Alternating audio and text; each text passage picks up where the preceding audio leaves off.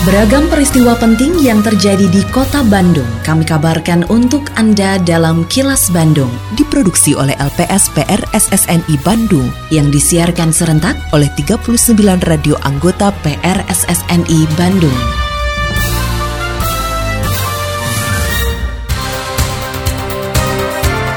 Sejumlah informasi aktual kami hadirkan untuk Anda dan inilah informasi utamanya. Bakal dilantik jadi wali kota definitif, Yana dorong pembangunan infrastruktur kota Bandung. Pemulihan ekonomi di kota Bandung optimis terus tumbuh. Stok kebutuhan aman, masyarakat diminta tidak panik buying. Saya, Santika Sari Sumantri, inilah kilas Bandung selengkapnya. Menteri Dalam Negeri telah mengesahkan Yana Mulyana sebagai wali kota Bandung definitif untuk menggantikan Oded M. Daniel yang meninggal pada Desember tahun lalu. Menanggapi hal tersebut, Yana memastikan akan melanjutkan tren positif yang telah ditorehkannya bersama wali kota Bandung, almarhum Oded M. Daniel. Ia juga memastikan pemerintah kota Bandung akan mengejar pembangunan infrastruktur dan pemulihan ekonomi pasca pandemi COVID-19. Pembangunan infrastruktur dilakukan karena merupakan salah satu upaya mendorong pertumbuhan ekonomi. Yana mengakui ada beberapa poin yang membedakan pelaksana tugas wali kota dengan wali kota definitif, tapi hal tersebut tidak menghambat pemerintahan yang sudah berjalan. Meski Yana Mulyana telah ditetapkan sebagai wali kota Bandung, hingga saat ini belum ada informasi terperinci mengenai jadwal pelantikannya. Setuju kan taat asas lah gitu ya, taat aturan. Jadi ikut aja gitu ya kan. Sekarang kewenangannya udah ada di Pak Gubernur, jadi ya kita sih ikut aja. Hmm. Tapi kan intinya kemarin juga selama waktu PLT kan hmm. pelayanan ke publik mah relatif nggak ada yang terganggu lah ya. Kalau rotasi mutasi kan tuh pasti ada, ya. cuman waktunya kapan kan? Kan ada ini juga nggak boleh sekian tahu evaluasi itu mah kan normatif lah gitu Pertumbuhan ekonomi di kota Bandung pasca pandemi optimis akan terus tumbuh, apalagi saat ini situasi pandemi di kota Bandung sudah terkendali. Pasalnya meski saat pandemi di tahun 2021, kota Bandung bisa meraih investasi mencapai 11 triliun rupiah lebih atau melampaui target sebesar 6 triliun rupiah. Optimisme tersebut diungkapkan pelaksana tugas Wali Kota Bandung Yana Mulyana usai membuka diklat pelayanan terpadu satu pintu tingkat dasar pada Selasa kemarin. Yana berharap adanya kegiatan pelatihan dapat meningkatkan kapasitas dan kapabilitas pegawai pelayanan terpadu sehingga bisa melayani masyarakat dengan lebih prima lagi di sektor penanaman modal. Selain itu, semua OPD pemerintahan Kota Bandung diharapkan mampu menangkap berbagai peluang di era regulasi yang selalu berkembang secara dinamis. Hal ini sejalan dengan misi Kota Bandung sebagai kota yang ramah investasi dan menjadi daya tarik bagi investor. Saya cukup optimis karena meskipun di tahun 2021 kita masih pandemi, itu target investasi masuk ke Kota Bandung itu hanya 6,1 triliun, tapi alhamdulillah kita bisa masuk 11,4 triliun. Jadi memang potensinya besar apalagi saat ini situasi pandemi Covid-19 Kota Bandung ini sudah sangat terkendali. Kita sudah masuk di PPKM level 2, kemudian juga kita bisa lihat faktanya memang perekonomian di Kota Bandung sudah mulai tumbuh ya. Dan saya sangat optimis lah, apalagi teman-teman juga dibekali dengan regulasi-regulasi yang terbaru ya, insya Allah. Stok kebutuhan pokok masyarakat untuk Ramadan hingga Idul Fitri di Kota Bandung dalam kondisi mencukupi. Oleh karena itu, pelaksana tugas Wali Kota Bandung Yana Mulyana meminta masyarakat tidak panik buying atau berbelanja secara berlebihan. Pasalnya jika hal itu terjadi secara masif, maka akan terjadi gangguan pasokan sehingga bisa mengakibatkan kelangkaan dan harga meningkat. Yana mengaku sudah melakukan pengecekan ke gudang Bulog Kota Bandung dan hampir semua kebutuhan pokok dalam keadaan aman tersedia. Itu komoditas-komoditas beras, gula, terigu, minyak goreng, daging. Alhamdulillah stoknya sangat cukup. Yang penting memang jangan ada panik buying dari warga masyarakat. Membeli yang berlebihan yang sebetulnya dia nggak perlu. Nggak perlu khawatir, sekali lagi stoknya ada. Memang soal harga itu kan di luar rentang kendali kami dari pemerintah kota karena tata niaganya oleh pemerintah pusat. Tapi sekali lagi kami hanya memastikan bahwa ketersediaan stoknya insya Allah aman sampai H plus 4 Idul Fitri.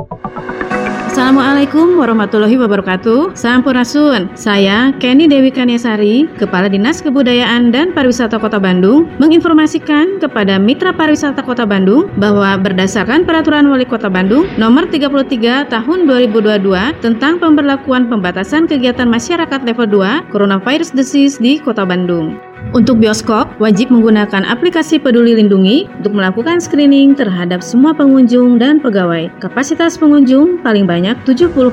Pengunjung dengan usia di bawah 12 tahun diperbolehkan masuk dengan didampingi orang tua dan menunjukkan bukti vaksinasi pertama khusus bagi anak usia 6 sampai 12 tahun. Restoran, rumah makan dan kafe di dalam area bioskop diizinkan menerima dine-in dengan kapasitas paling banyak 50% dan waktu makan paling lama 60 menit. Tempat bermain bermain anak dan tempat hiburan yang berlokasi di pusat perbelanjaan diperbolehkan dengan ketentuan kapasitas pengunjung paling banyak 75% dengan syarat menunjukkan bukti vaksinasi lengkap untuk setiap anak 6 sampai dengan 12 tahun. Ayo mitra pariwisata, bersama-sama kita wajib melaksanakan protokol kesehatan, pencegahan, dan pengendalian penyebaran COVID-19 secara ketat, konsisten, dan disiplin. Iklan layanan masyarakat ini dipersembahkan oleh Dinas Kebudayaan dan Pariwisata Kota Bandung. Kini, audio podcast siaran Kilas Bandung dan berbagai informasi menarik lainnya bisa Anda akses di laman kilasbandungnews.com. Hingga saat ini, kasus kekerasan terhadap perempuan dan anak-anak masih terus terjadi, termasuk di Jawa Barat. Dalam upaya menekan kasus tersebut, pemerintah Provinsi Jawa Barat meluncurkan kampanye Jawa Barat Berani Cegah Tindakan Kekerasan atau Jabar Cekas. Gubernur Jawa Barat Ridwan Kamil mengatakan kampanye Jabar Cekas menjadi wujud nyata upaya menekan angka kasus kekerasan yang dialami perempuan dan anak-anak di Jawa Barat. Program Jabar Cekas mengampanyekan 10 berani cegah tindakan kekerasan terhadap perempuan dan anak. Di antaranya berani berbicara, berani melapor, dan berani menolak. Oleh karena itu, semua stakeholder bersepakat untuk memperbaiki sistem kehidupan kita dengan lebih proaktif mencegah hal-hal seperti ini dan mengkampanyekan kepada anak-anak, kepada perempuan semua untuk berani melawan, menolak, berkata tidak, berani bergerak, berani bicara bicara, berani melapor, berani melindungi, berani berpihak kepada korban dan seterusnya ada 10. Itu maksudnya supaya mulai dari hari ini dan seterusnya kita doakan tidak terjadi lagi, tidak ada berita lagi kekerasan terhadap perempuan maupun anak.